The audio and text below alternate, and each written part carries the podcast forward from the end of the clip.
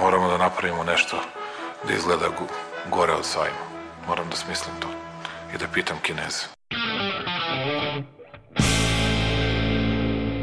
I've today left hospital after a week in which the NHS has saved my life. Ne mogu da verujem da narod koji je preživao sankcije, bombardovanje, svakojako maltretiranje će se uplašiti najsmešnijeg virusa u istoriji čovečanstva koji na Facebooku postoji. And now I'm better, and maybe I'm immune. I don't know. Dobro večer. Mene su poslali iz štaba. Ja ću vam pomoći. Aleksandar Kocić Jelena Viser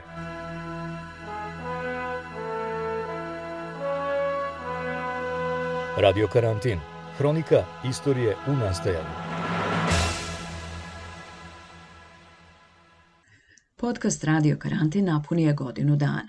Moje ime je Jelena Fiser i ovo je prvi deo dvodelne emisije u kojoj ćemo napraviti pregled našeg dosadašnjeg rada. Aleksandar Kocić i ja trudili smo se da ovaj projekat ne bude puko prebrojavanje žrtava i nabrajanje statističkih podataka. Sa svakom emisijom pokušavamo da bolje razumemo na koji način pandemija utiče na naše živote, kako nas menja i da anticipiramo kako će se završiti. U tome nam je do sada pomogao niz sjajnih gostiju, novinara, naučnika, lekara, muzičara i umetnika, majstora i stručnjaka u svojim oblastima, koji su sa nama podelili svoje znanja, iskustva, procene, ali i intimne strepnje i radosti. Pomogli ste nam i vi, koji nas slušate na svim kontinentima, delići sa nama svoje lične priče i predloge. Hvala svima da znate da se ponosimo. Radio Karantin Naš prvi gost u aprilu 2020. bio je beogradski novinar Slobodan Stupar. U to vreme vlasti u Srbiji su sa HHH najsmešniji virus na svetu pristupa prelazili na uvođenje ekstremno rigoroznih mera, valjda da pokažu da ako zatreba može čvršća ruka i od ruske i kineske zajedno, do početka predizborne kampanje tačnije. Sa Stuparom smo razgovarali o tome na koji način se režim odnosi prema pandemiji, o sumraku novinarstva i nedostatku novinarske solidarnosti u srbijanskim medijima. To je već smešno. Znaju ovi napolju ko je Vučić. Svi oni kad razgovaraju s Vučićem pre toga dobiju šlajfnu jednu. Kažu ovo bolestan od ovoga, bolestan ima ovo, ima ovo i tako dalje i tako dalje. Da, kaže, ali on nam završava posao i držat ćemo ga tu dok nam radi posao. A što se tiče Srbije, sve mu je open, izuzev streljanja. Posebno ne masovnih streljanja. To ne sme da radi. To bi rekli no, no. Tako da ovo što se sad dogodilo, što je on zabranio da dolaze novinari, to je u prevodu. E, ne voli da čuje e, gadna pitanja. Ne voli da čuje pitanja koja zapravo optužuju i tako dalje i tako dalje. I šta on uradi? On uradi glupu stvar i zabrani novinari da dođe. Svi mi znamo, brate, da ne umete da hendlujete koronu. Ti prvi ne umeš. Glup si kao noć. Što se novinara tiče, vrlo je malo ostalo novinara. Ljudi su pobegli iz ove profesije, digli ruke davno, danas se bave nekim drugim poslovima ili su otišli još ranije negde u inostranstvo. Ovde dolaze deca sa idealima i te ideale im ubiju neki urednici koji ne znam, nije nosači tikera nekadašnjih i tako da, a kamo da budu urednici. Tako da je novinarstvo palo. Nema ovde potencijala za nešto tvrđe, za neki tvrđi uh, gard prema, prema vlastima. Uh, zato ja uopšte ne razmišljam na, na te teme, ja se bojim da će ovde kraj da bude momentalan. Da, da će ovde samo u nekom trenutku neko i nešto da sve slomi. Sve ide ka tome. Ja više ne verujem da u, u službama kojima rukovodi ova vlast je sve idealno. Ja mislim da ima puno neodgovornih, što bi rekli mangupi pojedinaca, koji misle sve najgore vođi. Mi nemamo demokratske tradicije, ali za vereničke, bože moj, teško da može neko da nam parira. O ekonomskim posledicama pandemije za radio karantin govorio je profesor ekonomije iz Nemačke Raša Karapanđa, javnosti poznati kao čovek koji je dokazao da je doktorat Siniše Malog plagijat. Karapanđa smatra da će zemlje razvijenog sveta izneti ovu borbu, ali očekuje potrese u zemljama koje su siromašne i autoritarne, gde misli da zbog pandemije može doći do velikog pomeranja stanovništva. Ono čega se ja jako bojim, a to zavisi, drastično zavisi od toga od intenziteta same epidemije i kako će se dalje razvijati. Jedna, ajde da kažemo ovako, crna budućnost bi mogla da bude da će se zemlje razvijenog sveta nekako izneti borbu sa, sa ovom epidemijom, a da će u zemljama, pogotovo onim koji su siromašne i autoritarne, to dovesti do društvenih nemira. I ti društveni nemiri mogu da dovedu do velikog pomeranja stanovništva.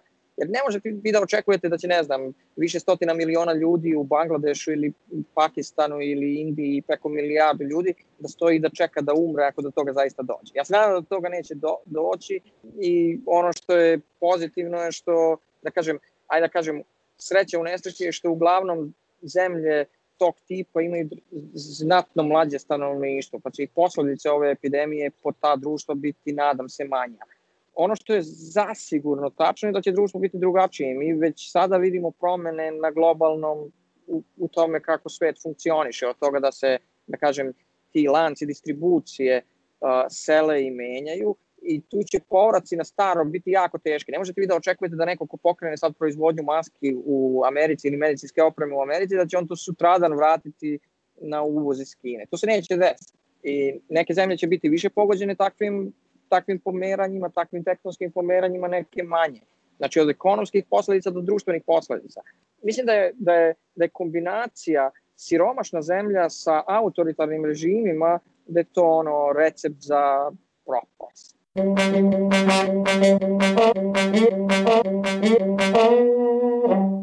maju 2020. smo još bili u ranoj fazi pandemije pokušavali da razumemo šta nam se događa. Znali smo da je vakcina izlaz, ali smo osjećali da smo tek na početku tunela. U tom mraku počeli smo da se bojimo teorije zavere i veoma opasnih dezinformacija i neistina koje su stizale sa najviših državnih pozicija. Naša gošća tada je bila naučnica iz Njujorka Svetlana Gavrilov, koja nam je objasnila zašto nas iz pandemija, za koje misli da će ih još biti za naših života, samo nauka može izvući. Ja se iskreno pribojavam da će a, naučnike paliti na lomači, znači toliko, toliko, su, a, toliko je ova jedna komunikacija um, i antivakcinaškog lobija i ravnozemljaša i zaverenika 5G mreža a, postala agresivna, da ja nisam sigurna koji je najbolji način da se nauka praktično odbrani. To me sve više podsjeća na, na, na knjigu i film Fahrenheit 451, gde se, gde se pale knjige i a, mislim da je to nešto nad čime moramo a, duboko da se zamislimo, znači kakav je ovo svet u kome su informacije apsolutno instant, a nauka je sve samo ne instant. Oh. Mislim da je ovo velika, velika šansa da nauka napravi svoj comeback, da nas iz ove pandemijske situacije i drugih pandemija za koje takođe verujem da dolaze, samo nauka može spasiti.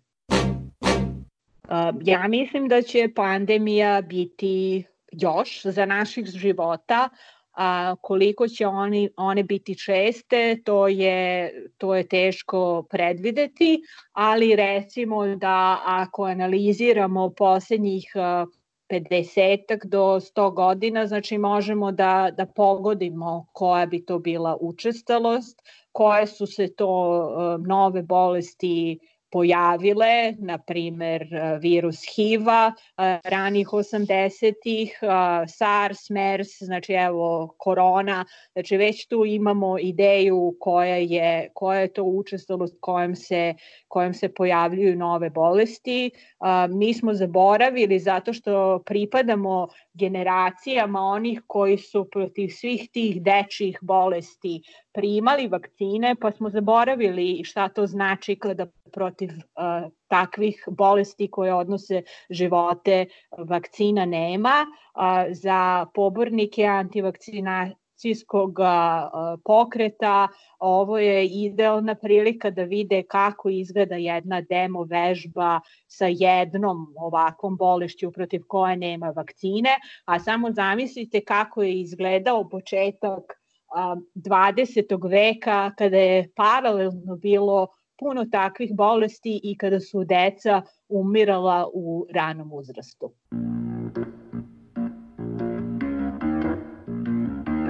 Radio karantin.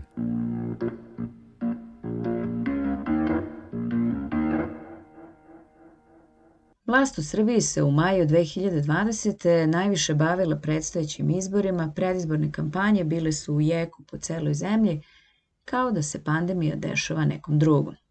Kako se to kasnije odrazilo na broj zaraženih, saznali smo ubrzo po proglašenju neprikosnovene pobede SNS-a svuda i uvek. Gošća novog radio karantina bila nam je istoričarka Dubravka Stojanović. Rekla nam je da je pandemija koronavirusa olakšala da vidimo šta sve sa našim svetom ne valja, kako strahuje da Srbija ulazi u otvorenu diktaturu i da politički bunt građana nema ko da artikuliše. U jednom od tekstova posvećeni koroni napisala sam da se ona pojavila kao neka vrsta blow-upa koja je svaku pojavu uh, uveličala i pojačala, pa čak do neke karikaturalnosti. I to se odnosi i na vlast i na opoziciju. Vlast je pokazala sve svoje loše strane od nesposobnosti da se organizuje preko e, preko dramatičnih promena raspoloženja koje su jako uticala na građane i plašila ih u krajnjoj liniji. Vlast je bila ta koja je proizvodila e, paniku e, mnogo više nego sam virus, dok je s druge strane opozicija iz meni nepoznatih razloga nestala oni su čak rekli da kao misle da nije u redu dok traje bolest da se oni politički oglašavaju iako se i tekako videlo da se vlast vrlo politički ponaša iako traje bolest. I sada mi imamo jednu situaciju da imamo nezadovoljne građane, taj bes je sada akumulirao, a opet nemamo opoziciju koja to ume da artikuliše. Evo, ni vlast ni opozicija očigledno nema neke e, neke ozbiljne političke koncepte, plan, organizaciju, ideju, cilj, nego se tako ponašaju od trenutka do trenutka i to je sve jako, jako loše. Mi nismo baš bogati socijalnim buntovima, nažalost moram da zaključim i mi smo ono takozvano dno dosegli više puta počevši od kraja 80. godina – pa se uvek pokaže da ima duplo dno ili trostruko dno i da nikako do tog dna da stignemo. Tako da e, to s tim socijalnim dnom i pobunom tu bi bila dosta rezervisana, jer ovde postoji jedna tradicija siromaštva, ideje imam hleb i mast ili što bi rekao Branko Kostić, ješćemo korenje, tako da tu nekih pre ovde se može očekivati neki politički bunt e, za koji su se napravili uslovi. Ja verujem da ih, je, da ih je pandemija pojačala, ali to mora neko da artikuliše. A opozicija je po ko zna koji put pokazala da to ne ume ili neće ili ja zaista ne razumem o čemu se radi. Dakle, ovde, ovo je bila neverovatna situacija za opoziciju i oni su uspeli da je ispuste, to već možemo da kažemo. Osim što se u vreme pandemije trudimo da se sačuvamo od virusa COVID-19 i od njega ne razbolimo, neizmenično moramo da razmišljamo i o očuvanju mentalnog zdravlja. Živimo iskustvo u nastajanju. Sve ili mnogo toga se u nama i oko nas menja ili dobija novu dinamiku. Od intimnih rituala preko posla do odnosa sa porodicom i prijateljima i odnosa sa društvenim sistemima u kojima učestvujemo. Preispitujemo postojeće vrednosti i spoznajemo nove. Vakcine i leka još uvek nema, kao ni jasnih naznaka kada će ih biti. Živimo u vreme velike neizvesnosti. Ovako smo počinjali emisiju sredinom maja prošle godine kada nam je gošća bila klinički psiholog Tijena Mandić koja je rekla da je kolektivna svest regresirala, ali i da veruje u individualnu empatiju i humanost. Kad govorimo o pukoj fizičkoj sili, znamo ko ima pendrek ili ne znam šta u ruci, jel? To je jedno. Međutim, postoje različite vrste moći. I ne može, to smo videli kroz istoriju, ne može sila pendreka da bude uvek jedina i stalna. Znači, postoje ljudi koji su nastavili da misle svojom glavom, koji su nastavili da drže predavanja i kurseve svojim studentima, šireći svoje normalne, zdrave, lepe ideje. Ja negde sam izgleda u duši uh, optimista i mislim da će ipak čovečanstvo nekako, ne samo, na, ne samo ovaj mali deo čovečanstva, mislim ipak samo parčence celog sveta, mislim, ipak nekako naučiti nešto iz svega ovoga i da će ipak negde krenuti da shvata da je bitni, mislim, koji su mu sistemi vrednosti. Izuzetno puno ljudi me ovih dana pitali ste čuli za Frankla, Viktora Frankla. Mi smo ga učili, ne čuli, ali sami su ga našli. Našli su terapiju smislom, počitaju sami. Nevrotno puno su ljudi počeli da čitaju. I to je jedna ogromna sila. To nije sila ko će se tući mačem, to je sila pera, kao što bi rekli. Jel? snimaju se predstave, Narodno pozorište pušta svake večeri. Znači, postoji tu sa strane neki alternativni život koji se nije dao zatrovati. Koji se boji korone, koji svi, ali koji nekako ovaj, postoji puno um, acts of kindness, postoji izuzetno puno tih dela koji opet su individualni, koji čujemo šta je neko uradio da bi, ne znam, nasvestio se čovjek na ulici, momak je skinuo masku sve, od infarkta, skinuo sve, uradio veštačko disanje i spasao mu život, ne razmišljajući o tome da li će on da se zavede. Znači, postoji izuzetno puno altruističkih stvari, ali o njima se ne priča. O altruizmu ne čujete. Sociološkinja sa Univerziteta u Cambridgeu Jana Baćević za Radio Karantin govorila je o mogućim promenama društvu usled pandemije koronavirusa, kao i o odnosima struke i političara u krizama. Kaže da se nada pozitivnim promenama, ali izražava bojazan da će neoliberalne ideje napraviti zaokret ka autoritarnom neoliberalizmu, jer politika ima interes da izbegne troškove suštinske reorganizacije društva. Mislim da ono što svakako možemo da vidimo jeste šta se dešava kada su neoliberalne politike sa tom idejom o tome da država ne treba da ima veliku ulogu dovele do definansiranja javnog sektora, a naročito javnog zdravstva. Britanija je tu jedan htela sam da kažem odličan, ali zapravo naravno strašan primer, e, pošto je britanska National Health Service, odnosno britansko javno zdravstvo je, je godinama osi, osiromašeno, baš tim, baš zahvaljujući neoliberalnim idejama o tome da zapravo zdravlje je nešto što, što treba zaslužiti, a ne, a ne imati tome pristup e, sam, samom učešću ovaj, učešću u društvu, odnosno u zajednici. Amerika je naravno drugi i u tom smislu još strašniji primer zato što dokle Britanija barem ima javno zdravstvo koje je do duše osiromašeno i sada kao što možemo da vidimo na primjeru pandemije vrlo ozbiljno prosto pretrpano odnosno nesposobno da izađe na kraj sa, sa ovakvom vrstom, vrstom katastrofe, između ostalog zbog te vrste a, pristupa reformi godinama. A, u Americi je sa malim izuzetkom Obaminih pokušaja da se donekle uvede osnovno zdravstveno osiguranje, zdravstveni sistem u veliku, velikom domenu privatan, odnosno zavistan od mogućnosti pojedinaca da ga priušte. Tako da mislim da je ono što vidimo prilično jasno na tom nivou eh, da je prosto efekat neoliberalnih politika na javno zdravstvo takav da to znači da su ljudi kada je pandemija u pitanju uglavnom ostavljeni samima sebi. Mislim da će države biti zainteresovane za to da, odra, da održavaju javni red i mir i osiguravaju da ekonomija može da nastavi da funkcioniše kroz neku vrstu zdravstvenog osiguranja koja će biti zavisna od toga da recimo ljudi prihvataju da rade i da prihvataju da idu na posao čak i recimo kada misle da situacija za to nije dovoljno bezbedna. Radio Karantin. Legenda jugoslovenskog novog talasa i vođe benda Lačni Franc Zoran Predin za radio karantin govorio je o mladosti koja se probudila i želi promene, o novom povezivanju ljudi u zemljama bivše Jugoslavije, o inspiraciji tokom karantina i o još uvek aktuelnim porukama jugoslovenskog novog talasa, ali i o tome šta za njega znači partizanstvo. Kad sam govorio o ovim pokušajima menjati istoriju, u Sloveniji se dogodilo da je Vrhovni sud e, poništio jednu sudbu iz 45. gde su osudili jednog e, generala e, Rupnika koji je bio belogardista, domobran i ono Hitlerov sluga. I a, naravno a, to me ovako potpuno uzbudilo. Ja sam veliki obožavatelj i pristaš partizanstva.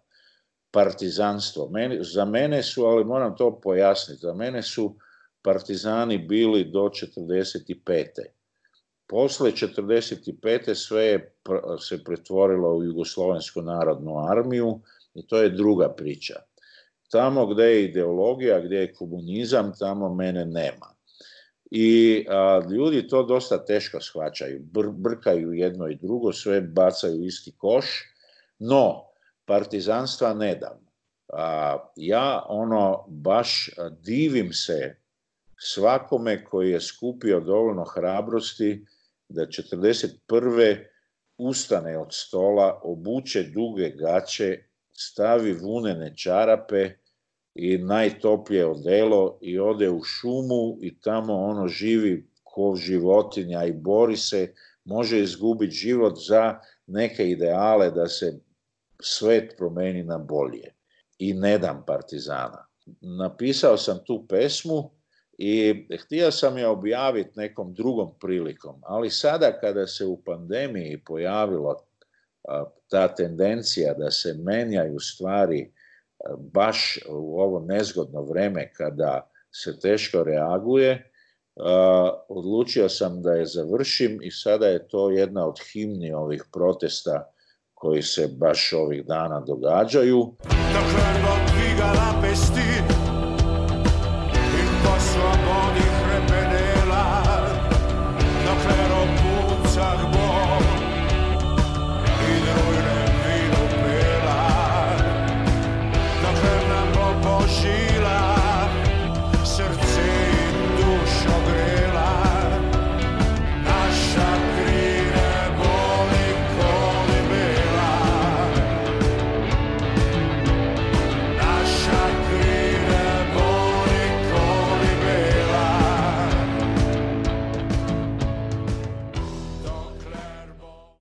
Sa Predinom smo tada ugostili i članove levorukog disco rock and roll electro boy band duet Butch Cassidy, Pančevce Zorana Zarubicu i Luku Racića. Misle da će svirke, kojih su svi željni, biti još bolji posle pandemije. Butch Cassidy sviraju u nekim zemljama bivše Jugoslavije i kažu da su svesni zajedničkog duha i jezičke povezanosti u regionu pošto se stalno, mislim, vrti se ta tema Jugoslavije i to, mislim, ono što, što je došlo do naše generacije su dve stvari. Uh, ozbiljno sad, mislim da je bilo sve, mislim da je vladao jedan kolektivni duh koji je bio prilično interesant, mislim, kao o, neku stvar koju mi uvek želi da imamo u tom smislu da kao možemo da stvarno, da nam ne treba granica između bilo kojih od tih zemalja, zato što stvarno pričamo istim jezikom i razumemo se, što je i stvarno dovodi do besmisla. I ti ratovi koje mi prosto ne razumemo ni zašto su se desili i niko realno ne razume ne, i kao ne, niti treba, mi, mi kao nova generacija treba se bavimo uopšte tom temom. Ovaj, zato što prosto nije tema koja treba nas da se tiče, nego mi smo samo prosto pro, prosto je stvar koja je, koja je bila, ne znam. Mislim da prosto nije stvar koja se desila našoj generaciji, da, da, je, da se to desilo, desilo našoj generaciji, onda bi imali u čemu da pričamo ovako. mislim, ja mislim da možda možemo da naučimo nešto iz toga, a, a mislim da, da je u pitanju zapravo rat između političara koji profitiraju iz toga i nas koji ćemo da ne jebemo ako, ako ponovo krene nešto u tom smeru. Mislim, mislim da ljudima naših godina zapravo još što je dalje taj rad, to, im, to, to, to, to su više željni toga da zapravo se mi svi što više družimo i viđamo i mislim to je bar mi bio moj doživljaj na koncertu. Da. I bendovi ono doći da obilaze. Mislim prosto mislim da svi intuitivno osjećaju da je ovo i dalje sve zajedno isti region. Bravo. Ja podržavam i pozdravljam takav stav. Čestitam, to je super. To je super. Mi možda još imamo tih nekih a, a, sentimentalnih razloga i ne znam, sasvim gerontoloških da, da dotačemo takve teme, a, a slažem se, ne, nemojte dopustiti da vas gnjave ljudi s tim stvarima. To nisu vaši problemi. Nema ljubavi u klubu, nema ljubavi u klubu, nema ljubavi,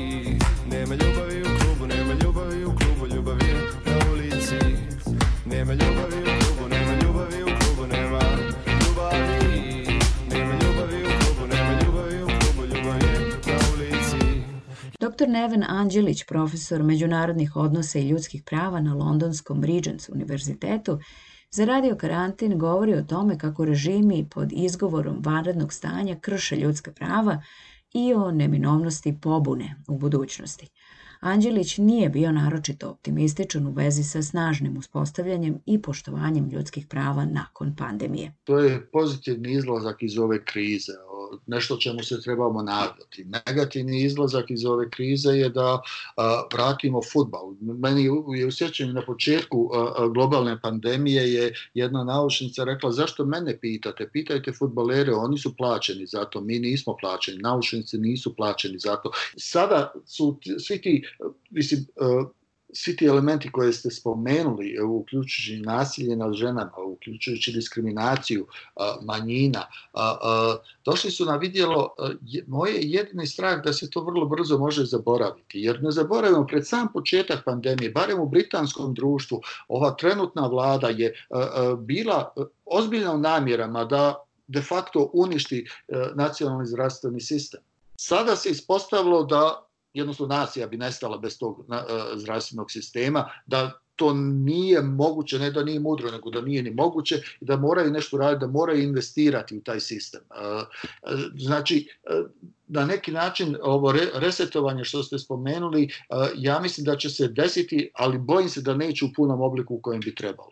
Bez elementa anarhizma, nasilja, nažalost, elite su navikle da mogu jednostavno da ignorišu, da, da, da tolerišu nekoliko dana protest, da tolerišu temu prisutnu u javnosti nekoliko dana ili sedmica, sve će to polako se zaobići, doći će neka nova tema i oni će opstati bez ikakvih uh, suštinskih uh, sistemskih promjena. Aida Hozić, profesorka političkih nauka na Državnom univerzitetu Floride, govorila je za naš podcast u junu kada su brojke zaraženih u Sjedinjenim američkim državama rapidno rasle i kada su istovremeno američko društvo potresali protesti zbog policijske brutalnosti nad crncima.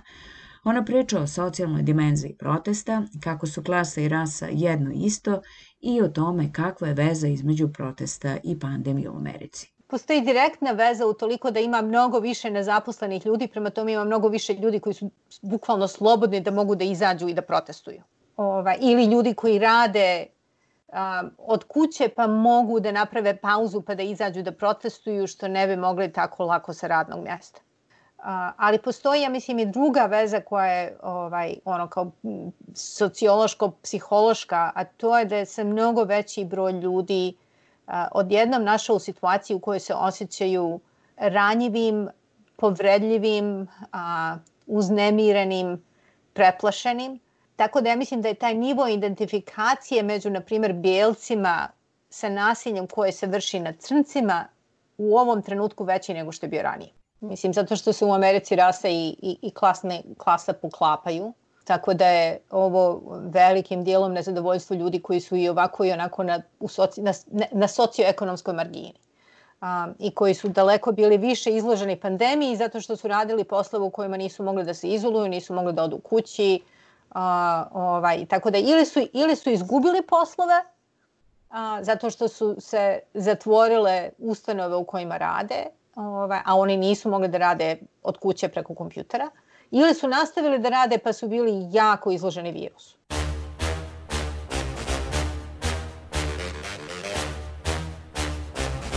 Radio karantin.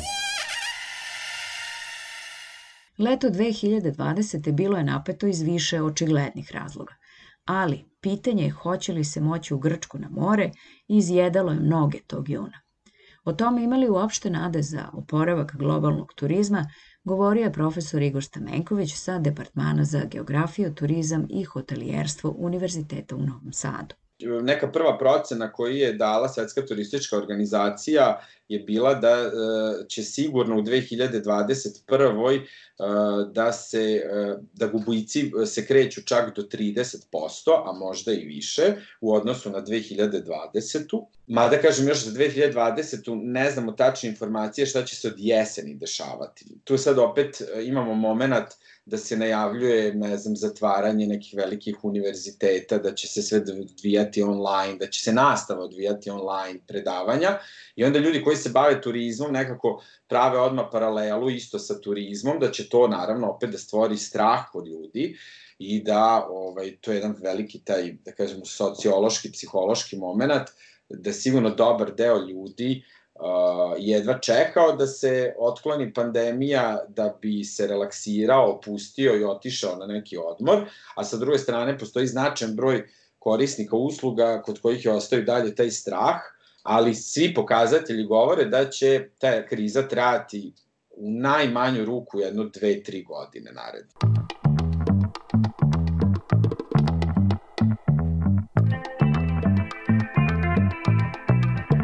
Radio karantin. U drugom delu rođendanskog pregleda Aleksandar Kocić će vas provesti kroz drugi talas pandemije. Neki od sjajnih gostiju bili su nam Jelena Zorić, Slobodan Georgijev, Zoran Radovanović, Florijan Biber, Biljana Stepanović, Tarik Jašarević, Rada Trajković, Rajko Grlić, Srđan Dragojević, Dragan Bursać i Ljiljana Rajčević. Radio karantin. Hvala vam svima na dosadašnjoj pažnji i podršci. Ovo je projekat koji Aleksandar i ja radimo iz ljubavi prema novinarskom poslu i iz ličnog entuzijazma. To znači da je finansiran isključivo vašom podrškom. Postanite pokrovitelj radio karantina preko platforme Patreon, a nećemo se ljutiti iako nas zaspete jednokratnim uplatama preko Paypala. Sve o tome imate na našem web sajtu radiokarantin.eu. Ostavite ocene i komentare na platformama na kojima nas slušate i pratite nas na Facebooku i Twitteru. Budite dobro i zdravo, da zajedno evoluiramo, a ne mutiramo. Pozdrav!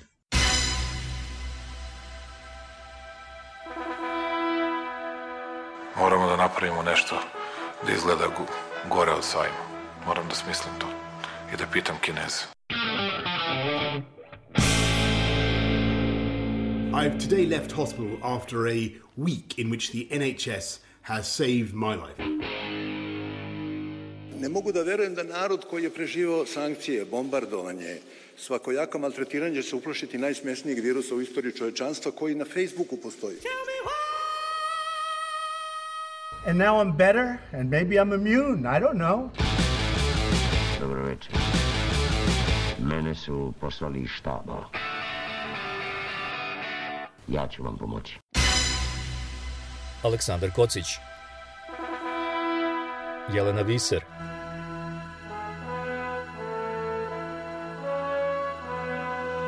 Radio karantin. Hronika istorije u nastajanju.